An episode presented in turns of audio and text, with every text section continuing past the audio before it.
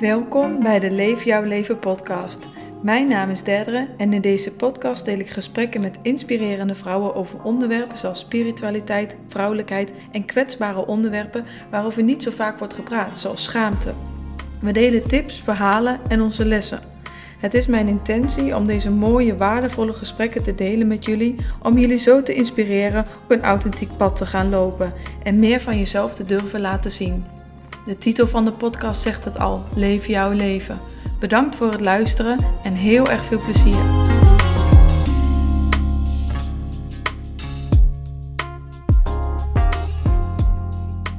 Welkom lieve mensen bij de Leef jouw leven podcast.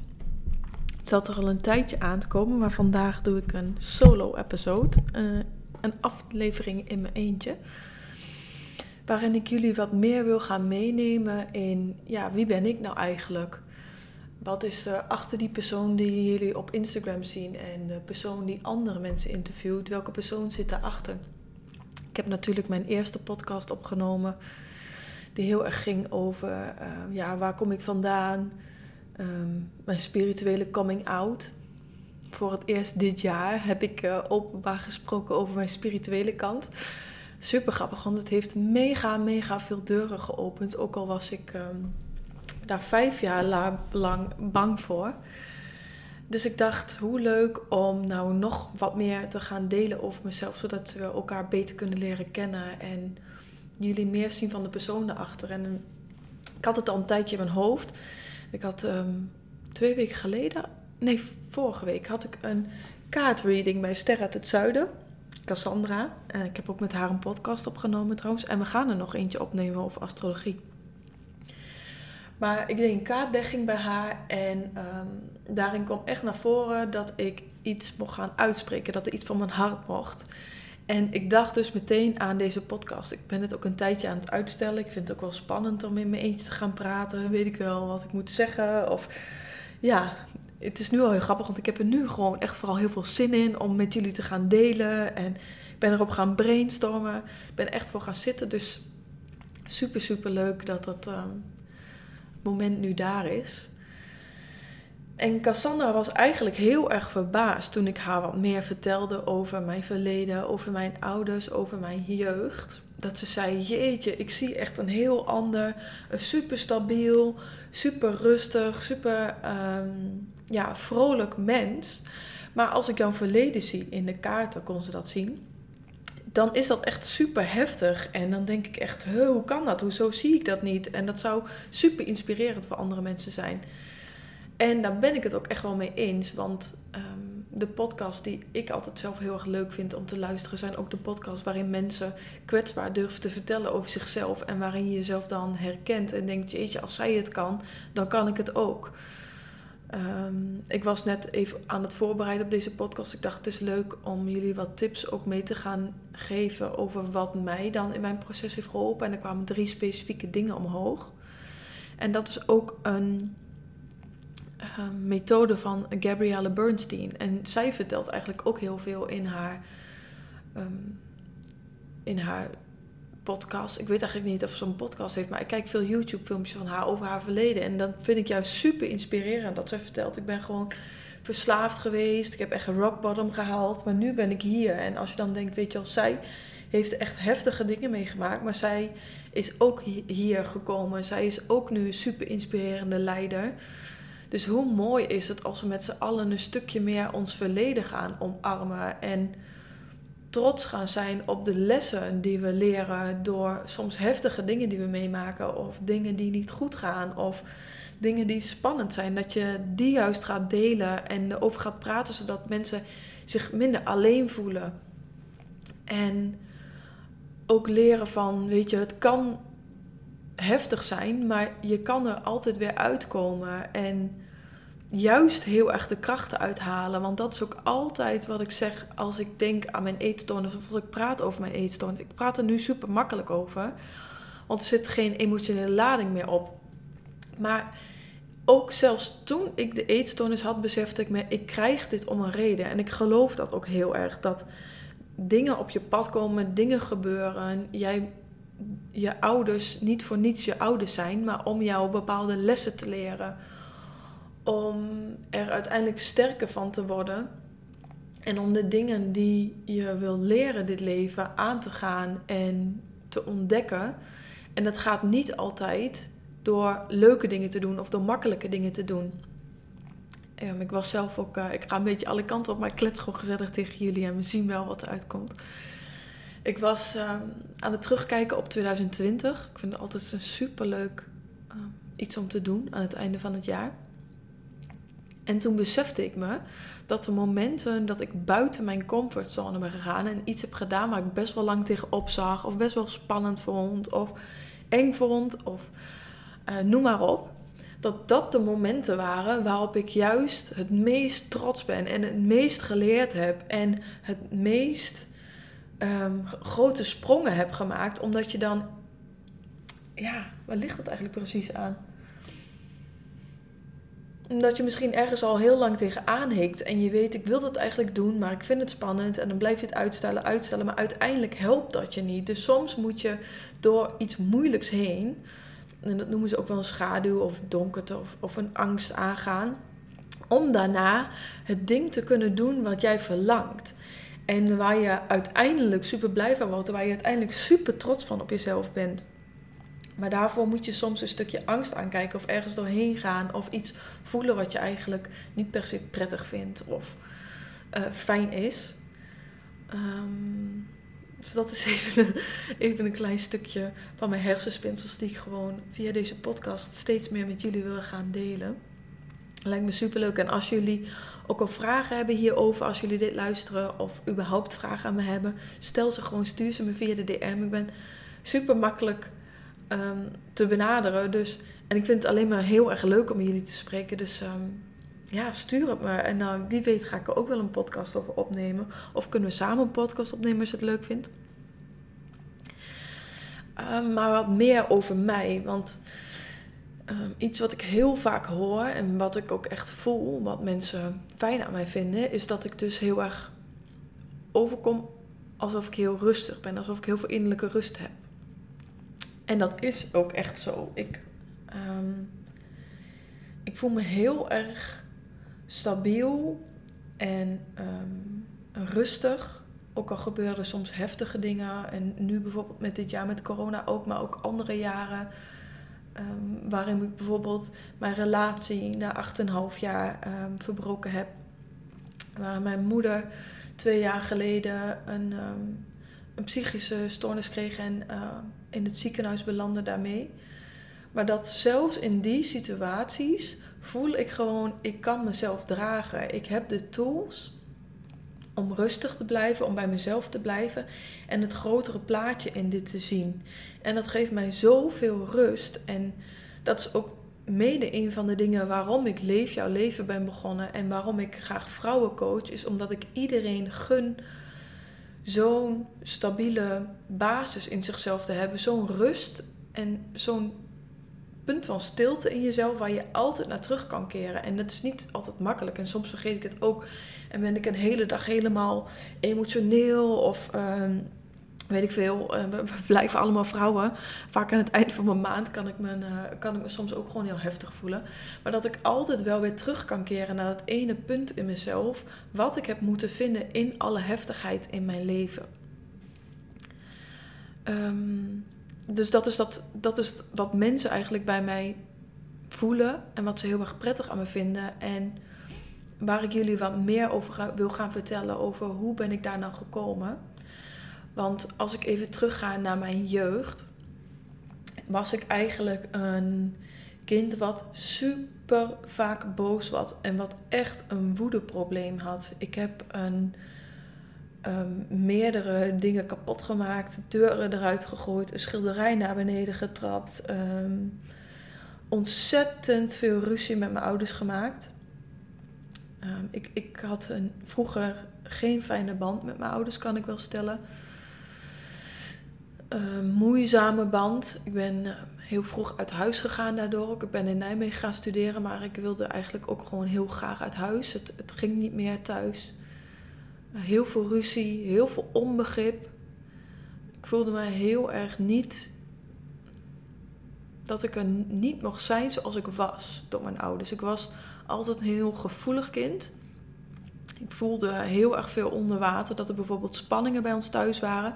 Maar mijn ouders, die vonden het heel moeilijk om daarover te praten. Die kunnen dat gewoon niet. En dat, daar kunnen zij ook niks aan doen. Zij hebben ook een bepaald verleden.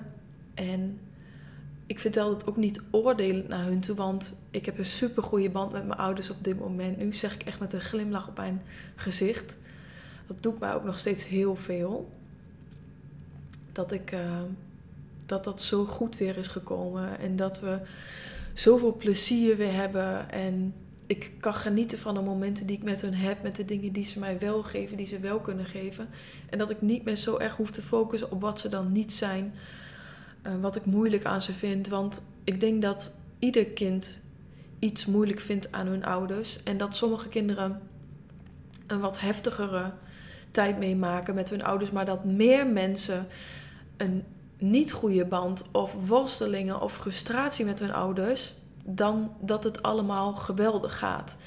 Of geweldig, maar dat het stabiel en fijn is. Want ik heb ondertussen zoveel mensen gesproken die allemaal problemen hebben gehad of trauma's hebben opgelopen door hun jeugd. En een trauma hoeft niet eens te zijn dat je echt wordt mishandeld of dat, uh, dat er echt uh, fysiek iets heel heftigs gebeurd, maar het kan ook een emotioneel trauma zijn. Of in mijn geval bijvoorbeeld. Um, voelde ik heel vaak, oh, er is spanning onder water. En dan zei ik dat tegen mijn ouders en zeiden hun, nee, dat is niet zo. Waardoor ik elke keer weer verder van mezelf verwijderd raakte. En mezelf uiteindelijk niet meer vertrouwde van wat, wat ik voelde, dat klopt niet. Want als kind zijn je ouders de enige spiegel die je hebt. Dus als ik tegen hun zeg, uh, zijn jullie boos op elkaar? Of zijn jullie boos op mij? Weet ik wat, ik noem maar een voorbeeld. En hun zeggen, nee, dat is niet zo. Maar eigenlijk zijn ze dat wel. En voel ik dat gewoon heel erg als, als hooggevoelig kind. Maar gewoon, kinderen kunnen denk ik heel veel voelen. Dan um, geeft dat elke keer een soort van shock in je systeem. Waardoor je steeds verder verwijderd raakt van je eigen uh, gevoel, vertrouwen. Dat heeft trouwens ook een term, dat heet gaslighting. En als je dat interessant vindt of je herkent hier iets in, um, Teal Swan is een, soort van spiritual teacher. Die heeft op YouTube ontzettend veel filmpjes over um, innerlijk kindwerk, schaduwwerk. En ook een filmpje wat gaslighting heet. Ik weet dat ik in mijn uh, zoektocht naar beter willen worden, naar um, ja, een paar jaar geleden was dat denk ik, ben ik echt gewoon al die filmpjes van haar gaan kijken. En dat is ook wel een van de tips die ik jullie wilde gaan geven van als iets je aandacht uh, roept of je. je um, dat is eigenlijk niet de tip die ik wil gaan geven, maar als iets je aandacht roept, volgt gewoon altijd, want dat, er zit een cadeautje voor je in. Maar um, duik ook in die schaduw en in dat innerlijk werk en in die angsten aankijken, in dat innerlijk kindwerk doen, noem ik het dan maar.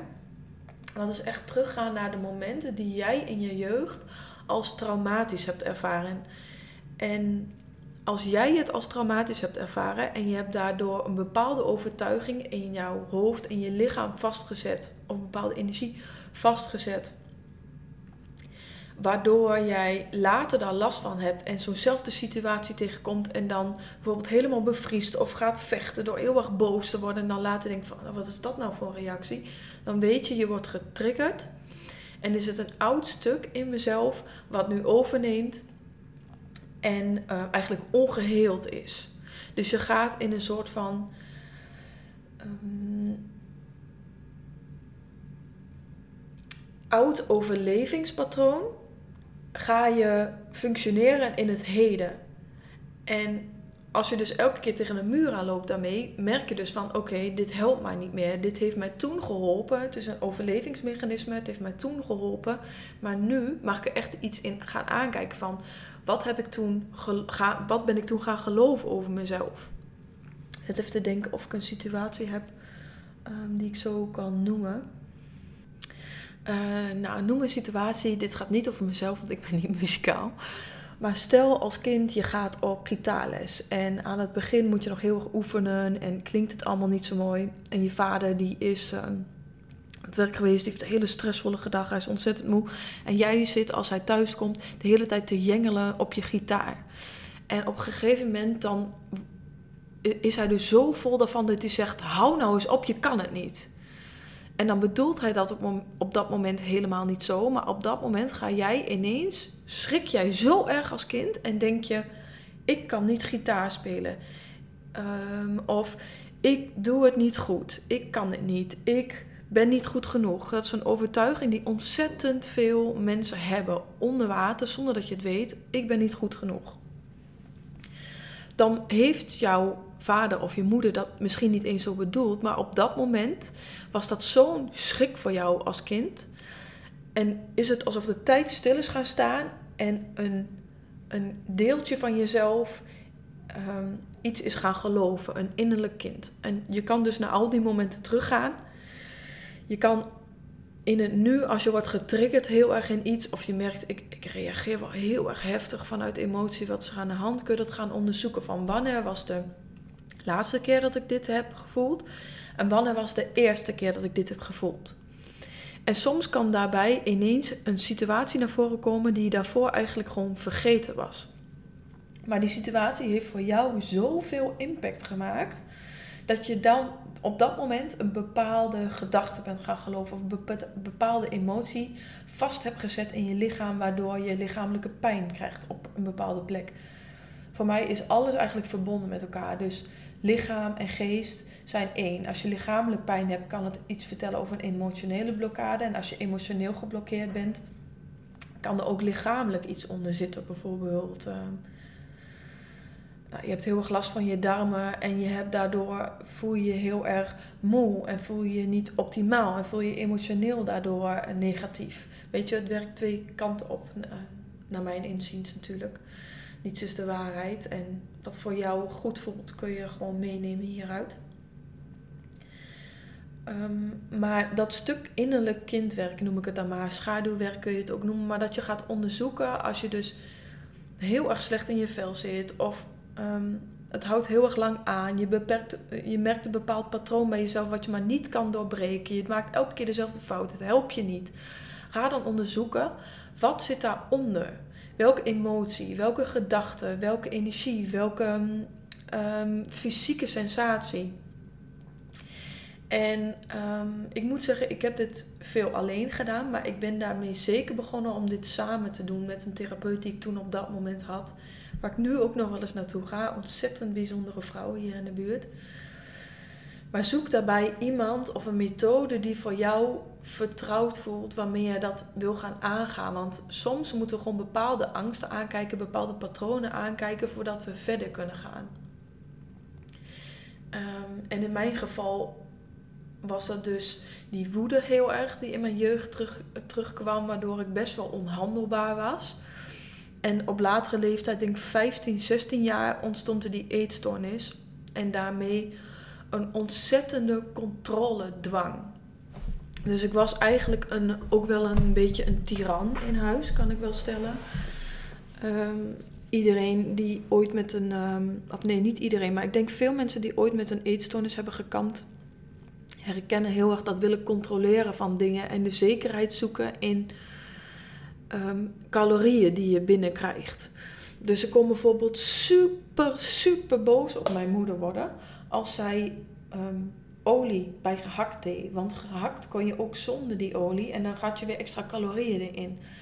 Nu, als ik het nu over nadenk, moet ik eigenlijk een beetje bijna grinniken van binnen hoe heftig ik deed om zo'n klein ding wat ik nu totaal niet meer kan begrijpen. En dat is ook de, daaraan kun je ook herkennen dat je bepaalde stukken hebt opgeruimd, is dat je dus geen emotie meer voelt, niet meer blokkeert er zelfs een beetje om kan lachen om jezelf over hoe heftig je toen deed.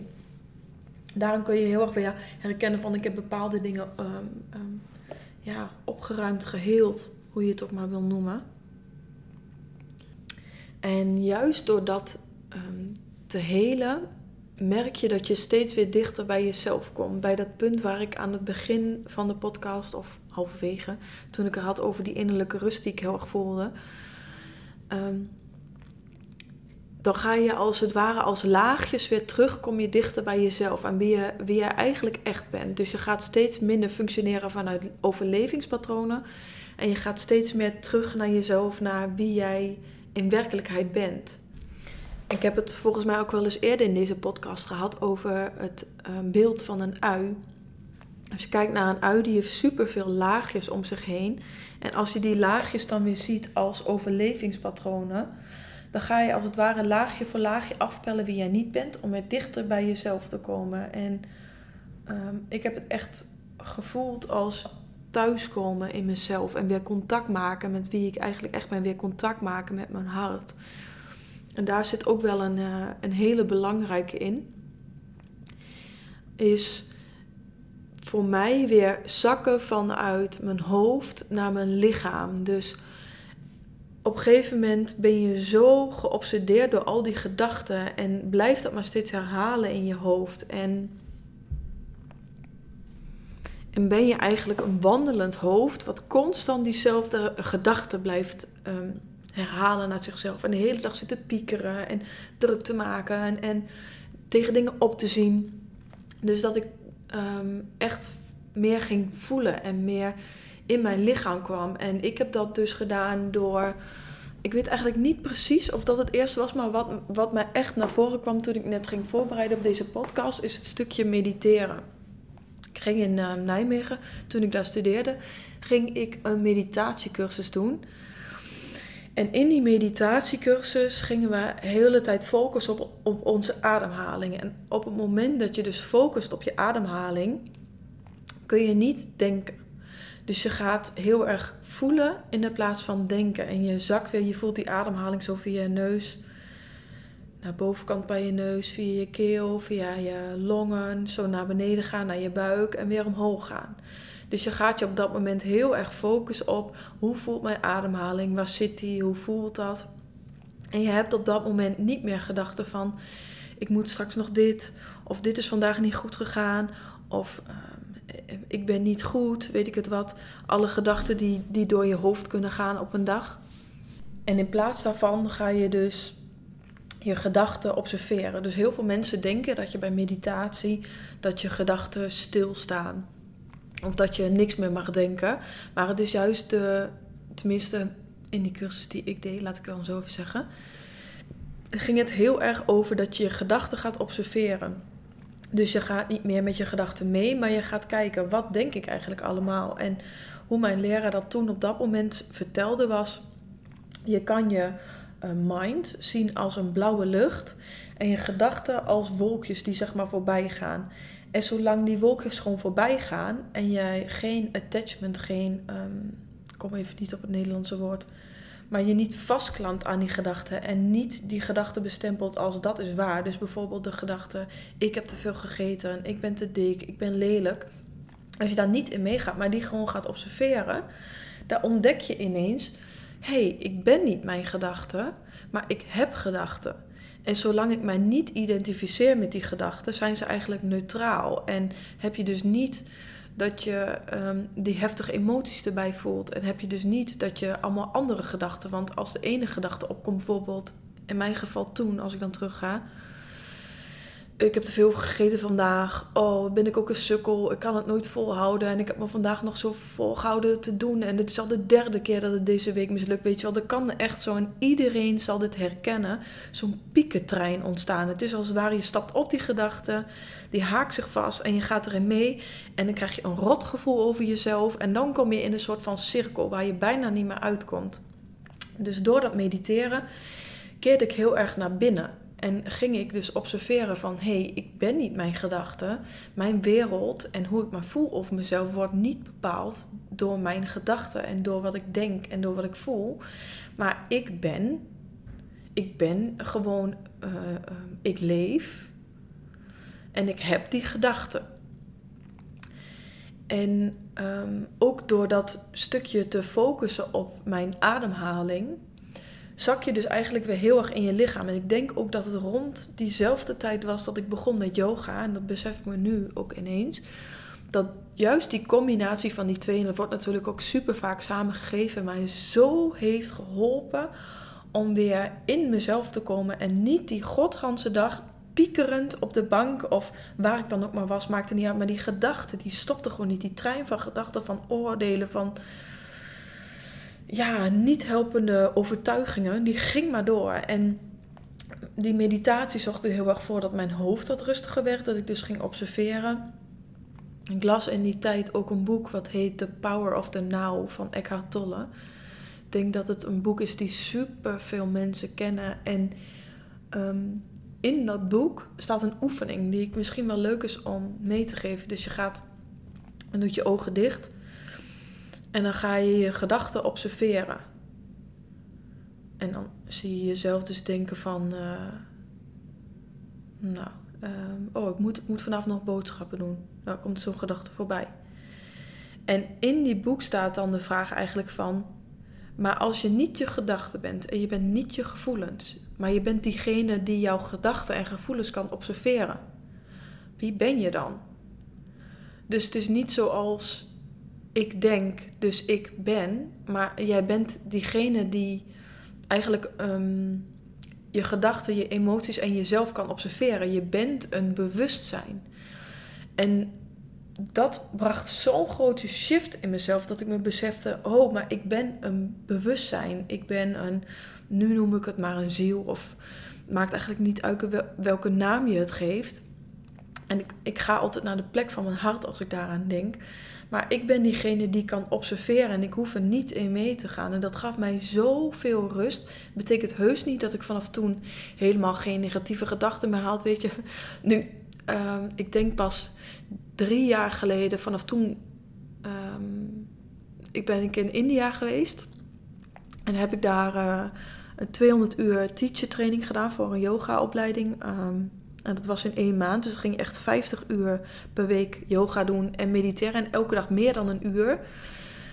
En ehm, pas vanaf toen kan ik echt bijvoorbeeld een uur mediteren zonder dat ik heel erg afgeleid raak van mijn eigen gedachten. Dus het is niet zo van, oh je leert over mediteren en je krijgt één keer, je leest dat boek en dan besef je, oh ik ben een bewustzijn die mijn gedachten observeert. En vanaf nu gaat het allemaal makkelijk. Nee, het is nog honderdduizend keer vallen en opstaan en gewoon weer proberen. Maar je hebt dan de tools in handen waarin je, waarbij je terug kan komen. En waarin je weet, oh ja, ik kan tot rust komen. Als ik heel erg angst komt, kan ik gewoon gaan zitten en die angst observeren in de plaats van dat je erin meegaat. En als je erin meegaat, ontstaat die gedachtentrein. Door die gedachtentrein ontstaat weer bepaald gedrag. Bijvoorbeeld, ehm, in mijn geval van bulimia was het dus heel erg veel eten en daarna overgeven. En daarna kwam de volgende trein van schuldgevoel. dacht ik, ik heb weer gefaald daarin.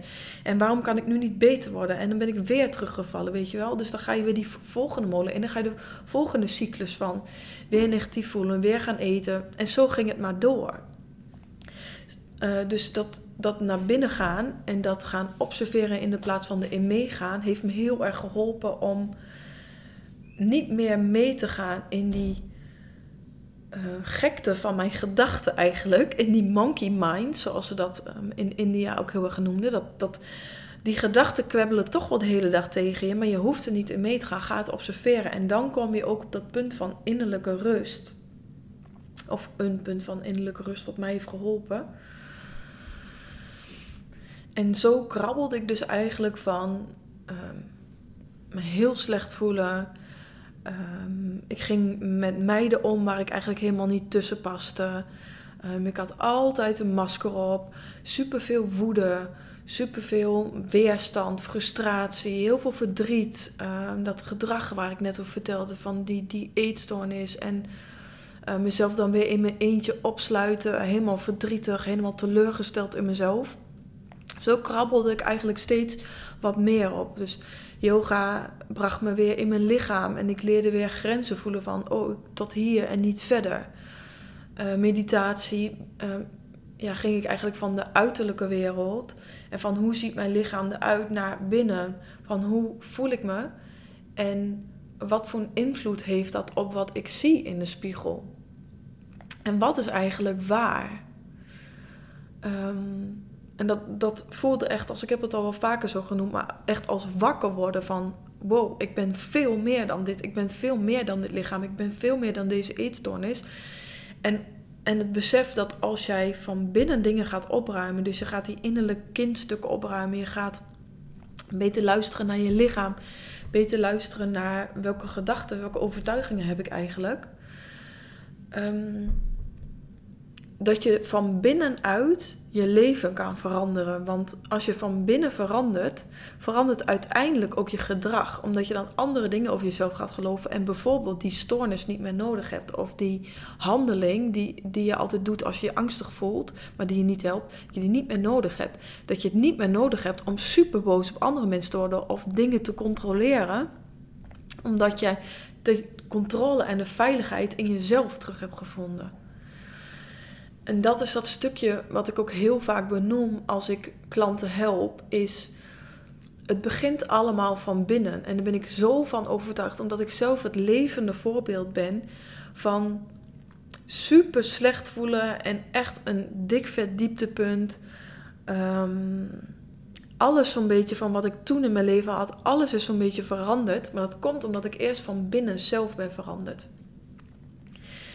En een, laatste ding waar, wat, waar ik net echt aan dacht, wat naar voren kwam toen ik ehm, deze podcast ja, ging nadenken over deze podcast. Van wat zijn nou dingen die ik mensen echt kan meegeven en wat echt waardevol voor mij is geweest. Is een stuk ehm, verzachten en zien dat je ehm, angst of liefde kan kiezen. Dus ook in die meditatiecursus gingen we een oefening doen van Byron Katie, maar ook een boek van Gabrielle Bernstein, wat mij heel erg heeft geholpen hierbij. Die, ik, um, die mij super hebben geholpen, dus vast ook velen van jullie kan gaan helpen. Um, en dat is je gedachten eigenlijk gaan herkaderen. Dus de overtuigingen, de gedachten die je hebt, of de angsten die je hebt, um, gaan herkaderen. Dus je, je ziet door dat mediteren, doordat je gaat observeren, zie je eigenlijk wat je denkt, wat je doet, waarom je bepaald gedrag hebt. En dan dat gaan veranderen. En het boek van ehm, Byron Katie heet volgens mij The Four Questions. Je kan er ook een, een werkblad bij uh, halen van een website. Ik zal die even in de show notes toevoegen. En je kan op dat werkblad kun je op een hele makkelijke manier gaan herkennen wanneer jij getriggerd bent. Dus dat is heel vaak wanneer jij oordeelt over andere mensen. Byron Katie zegt heel erg van de wereld om je heen, wat ik net ook vertelde, is eigenlijk een spiegel van wat jij van binnen voelt.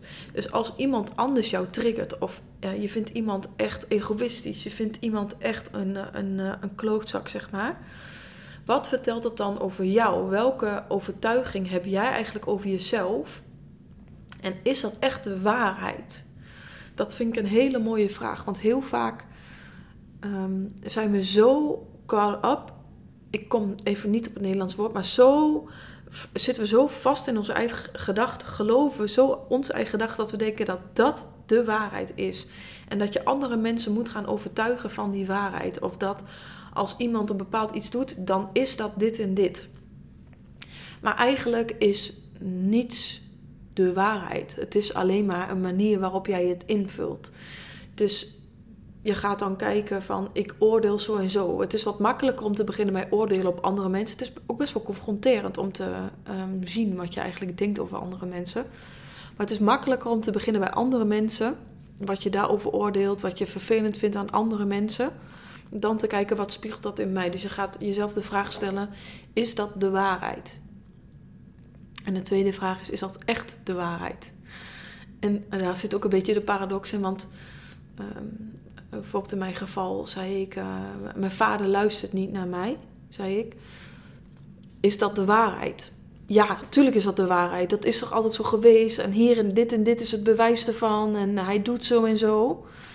Maar is dat echt de waarheid dat hij niet luistert? Of luistert hij misschien wel, maar lijkt het alsof dat niet zo is? Of uh, luistert hij op zijn manier? Weet ik veel, er zijn wel honderd andere dingen die je ervoor kan verzinnen. dan merk je ineens van binnen al een verschuiving. Het wordt al wat zachter. En dat is ook dat stukje wat ik steeds, um, waarbij ik steeds mijn hart aanraak. Dat kunnen jullie niet zien, maar je gaat weer terug naar de verzachting, naar de vergeving, naar de liefdevollere manier van er naar kijken. Wat voor jezelf super um, een super erg opluchting is, maar ook voor de mensen waarover je dat oordeel hebt. Dus het werkt twee kanten op, maar vooral voor jezelf. Want ook het vergeven van andere mensen doe je vaak voor jezelf en niet voor de ander, zodat jij niet meer met die last rondloopt. Ehm, en de derde vraag is volgens mij, ik weet het dus niet meer zeker uit mijn hoofd, maar wat doe ik als ik deze gedachte geloof? Dus ik bijvoorbeeld, mijn vader luistert niet naar mij. Dan ga ik schreeuwen tegen hem, zodat hij me wel hoort dan ga ik al van tevoren verwachten en oordelen dat hij toch nooit naar me luistert. Dan geef ik hem niet eens een kans. Ehm, en ik weet nu even niet meer die vierde vraag, maar ik weet ook dat er een onderdeel is in die methode dat je hem omdraait. Dus luister, ik luister niet naar mijn vader. Of ik luister niet naar mijzelf. En dan blijken dus al die overtuigingen even waar te zijn als mijn eerste statement: mijn vader luistert niet naar mij. Het is maar een voorbeeld, hè? Dus dan, dan ontdek je dus, dan hebben die gedachten geen macht meer over jou, omdat je ontdekt: dit is helemaal niet waar. Dit hoef ik helemaal niet meer te geloven. En dit zorgt voor lijden en voor pijn en voor geen leuke reactie in mijn leven als ik hierin geloof. Dus ja, dat is echt een super, super mooie methode die me van die tijd ook heel erg is bijgebleven. En die ik ook nog wel regelmatig erbij pak. Bijvoorbeeld een paar jaar geleden in de thuiszorg kwam ik een vrouw tegen die ik, waar, ik, echt last van had als ik naar haar toe moest gaan in een, uh, in een ochtenddienst. En uh, nou ja, een keertje, dat je een keer niet met iemand kan, prima. Um, dat iemand je niet ligt is ook prima. Maar als het zo erg wordt dat je er last van krijgt en dat je in je werk, ja, tegen je werk opziet omdat die ene mevrouw in de route zit. Dat is altijd een moment waarop ik dan denk van, oh wacht even, dit is een trigger. Hier loop ik nu zo tegenaan dat ik er last van krijg, dat ik lijden als het ware in mijn leven krijg. Wat is um, hier in de boodschap? Wat is hier in de les? Net als in mijn eetstoornis, wat is de les? Maar dat kun je ook zien in, in kleine situaties in je leven. Wat is hier in de les? Ben ik helemaal gaan uitzoeken. En uiteindelijk bleek ze dus weer iets te weerspiegelen van wat iemand vroeger in mijn jeugd had gedaan. En toen ik dat losliet, kon ik op een neutrale manier naar die vrouw kijken en had ik geen last meer van het gedrag. Ook al was het gedrag van die vrouw natuurlijk helemaal niks veranderd. En dat vind ik ook de magie en het wonder van herkaderen en van innerlijk werk doen, is dat dan in de uiterlijke wereld jouw leven verandert. En um, ik noemde net ook al het boek van Gabrielle Bernstein.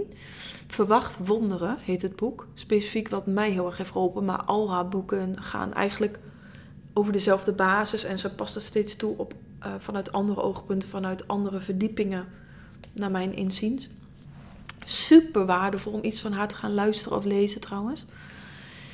En dat boek ging heel erg over, um, is gebaseerd ook, zij heeft de cursus in wonderen gelezen. Ik heb, het, ik heb het zelf nog niet gelezen, maar ik ga het vast ooit een keer lezen als het me trekt. Het is best wel een dikke pil. en ik hou wel van boeken lezen, dus uh, ik ga het vast ooit nog lezen. Maar het gaat heel erg over, kies ik angst of kies ik liefde? En met angst... Um, hoe kan ik dit nou nog, nog, nog beter uitleggen? Want het is natuurlijk best wel een abstract iets. Uh, maar angst kan bijvoorbeeld zijn een angstige gedachte of uh, gedrag omdat je bang bent voor tekort of um, niet, op een niet leuke manier reageren of weet ik veel. Alle gedachten, overtuigingen, gedragingen, alles wat uiteindelijk de energie erachter angst is, of kies je liefde. En om uiteindelijk te kunnen herkaderen en die liefde te kunnen zien, mag je eerst de angst aankijken en de angst begrijpen. En dat was voor mij ook heel erg dat stukje teruggaan naar mijn jeugd om mijn angst te begrijpen, om te zien waar komt het vandaan. En ik heb ook even het stukje van haar boek erbij gepakt, um, omdat ik anders uh, misschien ook niet helemaal die methode weer uit mijn hoofd weet. Ik heb nu al een tijdje niet meer gedaan, maar ik heb het toen 40 dagen lang, dat boek is echt 40 dagen lang, elke dag gedaan op alle verschillende gebieden in mijn leven. En dat heeft zo'n verandering voor mij teweeggebracht. En net als in dat boek van Byron Katie, ik voelde mezelf verzachten. Ik voelde mezelf meer liefdevoller, op een liefdevollere manier ernaar kijken. Ehm, vanuit mijn hart voelen in de plaats van vanuit hardheid en oordeel en uh, lijden naar de wereld om je heen kijken. Of naar jezelf kijken. Ehm, maar vanuit een liefdevolle blik. vanuit een, eigenlijk een andere bril, een ander kader opzetten. En de eerste stap in, daarin is getuigen zijn van je angst. Dus je angst begrijpen en je angst aankijken. Dus je gaat gewoon observeren. Daar heb je weer dat stukje meditatie. Kom weer terug. Je gaat observeren, hé, maar wat denk ik eigenlijk nu als ik me zo bang voel? Of als ik dit niet durf. Of als ik hier, net als begin dit jaar bijvoorbeeld, voordat ik die podcast eigenlijk al heel lang wilde opnemen. Of al heel lang deze business wilde beginnen wat is mijn overtuiging? Wat denk ik waardoor ik het niet durf te doen, maar ik wil het eigenlijk, maar ik durf niet? Wat denk ik? Welke gedachten heb ik? Dus je gaat die angst, um, ja, getuigen zijn van de angst, noemt Gabrielle het. Um, ernaar kijken, het observeren. Dan de bereidheid hebben om te veranderen. Want zolang het nog, jij nog niet bereid bent om te veranderen, gaat er geen verandering plaatsvinden. En Soms is er om bereid te worden te veranderen best wel een heftig iets nodig in je leven. Dus een eetstoornis of een burn-out of iemand die overlijdt. En dat je dan pas je ogen open gaan en je wordt wakker geschud. En je denkt, wow, nu moet er echt iets veranderen. Want dit, is, dit doet pijn, dit is niet fijn, dit is niet leuk. Ehm, maar het is eigenlijk veel makkelijker als we het al eerder observeren en eerder bewust zijn van ons gedrag en eerder kiezen van nee, dit wil ik gewoon niet meer in mijn leven. Ik ben bereid om te veranderen. De pijn die het nu veroorzaakt in mijn leven is groter dan dat ik het vasthoud. En dat vasthouden is gewoon heel makkelijk als mens, want we zijn allemaal gewoontedieren. We hebben allemaal vastgesleten patronen en gedragen. En we willen gewoon het liefst dat alles hetzelfde blijft, want dan voelt het zogenaamd veilig. Maar om te veranderen moet je dus nieuwe keuzes maken. Moet je soms iets doen wat best wel spannend is. Een, een nieuw gedrag. Of iets, iets doen wat mensen niet verwachten bijvoorbeeld. Ben jij bereid te veranderen? Dan een verandering in perceptie. Dus er anders naar gaan kijken. Het gaan herkaderen. Ehm, ik geloof dit en dit. Bijvoorbeeld, ik geloof ik ben niet goed genoeg. Wat is dan de verandering en perceptie die ik wil maken? Wat wil ik dan wel geloven? Als ik ben genoeg. Dat is tegenovergesteld, dat, dat kun je kiezen. Maar soms is dat nog veel te ver weg. Dus als je midden in een eetstoornis zit, dan kun je niet op dat moment met alle overtuiging zeggen: Ik ben genoeg. Dat geloof je gewoon niet, dat is te ver weg. Dan kun je bijvoorbeeld zeggen: Ik ben bereid om te zien of om open te staan voordat ik genoeg ben. Weet je wel? Maak het gewoon in kleine stapjes. Wat wil jij gaan geloven? Welke perceptieverandering wil jij gaan maken? Hoe zou liefde hiernaar kijken? Wat zou ik geloven? Wat zou ik doen als ik vanuit een liefdevolle blik naar mezelf, naar mijn leven, naar mijn gedrag kijk? Um, dan is de volgende stap dankbaarheid. En dankbaarheid heeft ook zo'n gigantisch verschil gemaakt in mijn leven. Gesproken over iets wat verandering heeft gemaakt. Ik ben nou, tien jaar geleden of zoiets begonnen met elke dag heel veel dingen opnoemen waarvoor ik dankbaar ben. En aan het begin schreef ik dat heel vaak in het boek. Heb, ging ik echt zeggen, elke dag schrijf ik minimaal drie dingen. En soms verandert er wel in vijftien dingen waar ik dankbaar voor ben. Dus ik ben dankbaar voor Ehm, die mooie kaars die hier voor mijn neus staat. Ik ben dankbaar voor dat ik cacao in huis heb en dat zomaar kan maken voor mezelf. Ik ben dankbaar voor de mensen die ik ken. Ik ben dankbaar dat ik vanochtend kon uitslapen. Ehm, weet ik veel, noem gewoon kleine dingen op van je dagelijks leven, maar ook grote dingen. Ik ben dankbaar dat mijn lichaam gezond ben. Ik ben dankbaar dat er stromend water uit de kraan komt als je het vergelijkt met andere mensen in de wereld. Weet je, kijk gewoon bij je ingang. Dan opent je hart vanzelf en verzacht je al en sta je ook meer voor open. En die dankbaarheid die versterkt dat heel erg. Dat is een hele hoge emotie die ervoor zorgt dat je in een positieve staat komt. En dat je ook makkelijker kan veranderen vanuit dat punt. Zo voelt het tenminste voor mij. Is de volgende stap is vergeving. Dus ik vergeef mezelf dat ik deze gedachte heb geloofd. En daar zit echt een heel bijzonder stuk wat heel erg waardevol is, is in het stuk helen. Omdat door jezelf te vergeven of door een ander te vergeven, je meteen vanuit je hoofd naar je hart zakt. En meteen heel veel pijn loslaat waarmee je rondloopt en het eigenlijk soms niet meer weet. Het neutraliseert de gedachte, de situatie, de, wat er dan op dat moment aan, het hand is, aan de hand is. En het opent je hart heel erg. Dus dat is wat ik heel erg heb ervaren met ehm, dat stukje vergeving. Is, daardoor is mijn hart weer opgegaan. Ben ik weer liefdevoller naar mezelf, maar ook liefdevoller naar andere mensen. Zachter naar mezelf. Ja, meer vergevend letterlijk geworden in mijn leven. Wat je uiteindelijk zelf het meeste brengt. Als je liefdevoller en zachter naar jezelf bent. En dan de volgende stap is um, wonderen verwachten. Dus verwacht dat, je, dat er ineens iets wonderlijks gebeurt. Dat er ineens iets anders gebeurt in je leven. Of dat je ineens de juiste persoon, de juiste plek. Um, eigenlijk de magie van het leven weer terugzien. Want er gebeuren dagelijks zoveel bijzondere dingen. Zoveel toevalligheden. Wat eigenlijk geen toevalligheden zijn, denk ik. Zoveel signalen die je krijgt. Ehm, om daar weer mee in contact te komen. En ik kijk ook echt om me heen en ik krijg echt een twinkeling in mijn ogen als ik daaraan denk. De verwondering over het, ja, letterlijk verwondering over het leven weer terugvinden. Ehm, als je al die pijn hebt losgelaten en niet meer constant in je hoofd zit, dan kun je ook weer om je heen kijken. Dan kun je ook weer in het nu zijn. Dan kun je naar buiten stappen en zien hoe mooi bijvoorbeeld die in een zonsondergang is. Terwijl als je heel erg in je hoofd zit en ehm, ja, je bent misschien een beetje uh, depre of uh, wat dan ook, dan zie je de mooie dingen ook niet meer om je heen. Dus heel erg weer in contact komen met die verwondering van het leven.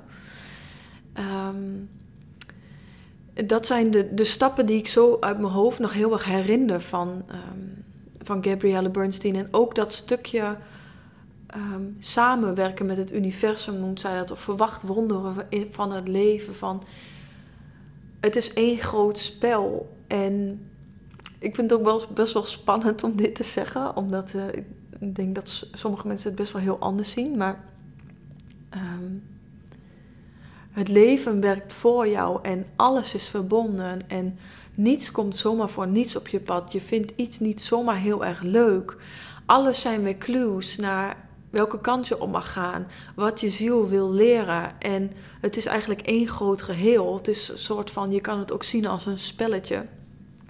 Um, heel erg weer in die plek terugkomen in je leven, dat jij weer kapitein van jouw leven wordt, dat je de tools in handen hebt om weer terug te gaan naar die rust, om jezelf en anderen te vergeven, om liefde te kiezen. Um, ja, ik denk dat ik wel duizend dingen heb genoemd in deze podcast wat je um, zou kunnen meenemen. En als is het maar één ding, maar neem dat dan mee en uh, ga er zelf verder op zoeken of ga er zelf mee oefenen, wat je ook maar leuk vindt. Maar kies, um, kies voor ja, eigenlijk de liefde voor jouw leven weer terugvinden. Dat hoop ik heel erg dat ik dat een klein beetje heb kunnen meegeven in deze podcast. En ik zie dat ik alweer 47 minuten in mijn eentje aan het kletsen ben. Dag van tevoren van, ja, waar ga je eigenlijk over praten als je in je eentje kletst uh, tegen de computer? Maar dat is dus blijkbaar helemaal geen probleem. Dus uh, ja, ik vond het heel erg leuk om dit te doen, om meer te delen over mezelf. Ik hoop dat jullie een beetje een inkijkje hebben gekregen in... Uh, in mijn hoofd, in wat mij heeft geholpen, dat jullie wat dingen hierin kunnen meenemen. en uh, laat me vooral weten wat je hiervan vond. Laat me weten wat jouw grootste inzicht was na deze podcast. En laat eventueel een review achter, zodat deze podcast ook hoog op de ranking komt en meer mensen hiernaar kunnen gaan luisteren als het jou heeft geholpen. Super bedankt voor het luisteren en sowieso super bedankt voor iedereen die elke keer bij Intune, die luistert naar alle verhalen die ik met vrouwen deel, maar die ik nu ook alleen deel. En uh, ja, hele fijne week.